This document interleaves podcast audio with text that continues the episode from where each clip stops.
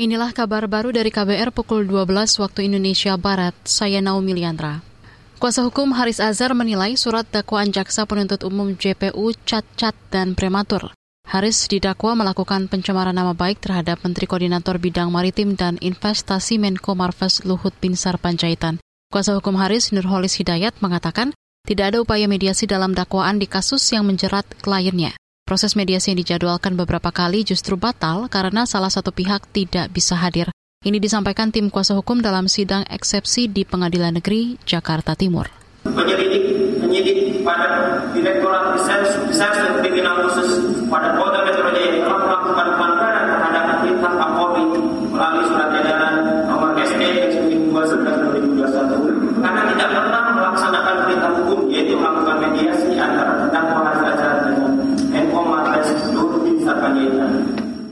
Kuasa hukum Haris Nurholis Hidayat mengatakan kliennya hanya berusaha menyuarakan situasi hak asasi manusia HAM di Papua. Peran itu, kata Nurholis, semestinya dilindungi konstitusi dan tidak malah dikriminalisasi. Menurut tim kuasa hukum, saat ini masih terjadi konflik senjata, pembapatan lahan, hingga ribuan pengungsi di bumi cendrawasi yang perlu disuarakan. Kasus dugaan pencemaran nama baik ini juga menyeret koordinator LSM Kontras Fatia Maulidianti.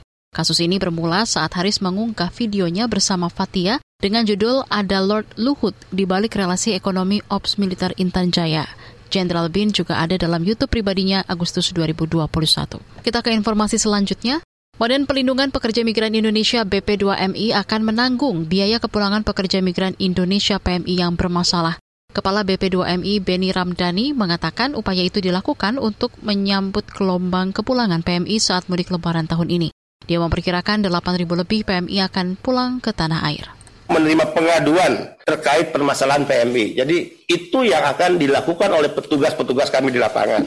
Misalnya ada yang tanya, bisa beli tiket untuk ke daerah di mana? Ya, kira-kira yang diketahui oleh petugas kami harganya berapa agar dia tidak menjadi korban para calo-calo yang memanfaatkan situasi kepulangan dengan menaikkan harga tiket. Ini di luar PMI terkendala ya. Kalau PMI terkendala, otomatis tiketnya kita yang menanggung, kita yang membiayai. Ya. Kepala BP2MI Beni Ramdhani menambahkan kepulangan pekerja migran didominasi dari Hong Kong, yakni sebanyak 5.000 orang. Kemudian disusul Taiwan sekitar 960 orang dan Singapura sebanyak 470-an pekerja migran.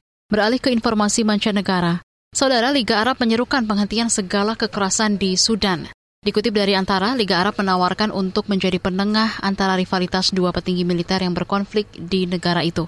Tawaran ini disampaikan usai organisasi negara-negara Arab mengadakan pertemuan kemarin.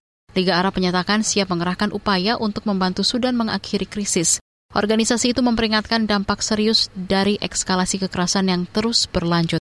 Akhir pekan lalu, sekitar 56 orang tewas dan ratusan lainnya terluka akibat bentrok antara tentara Sudan dan pasukan pendukung cepat RSF. RSF merupakan pasukan paramiliter yang berpengaruh di negara itu sejak 2013 silam. Demikian kabar baru saya Naomi Liandra.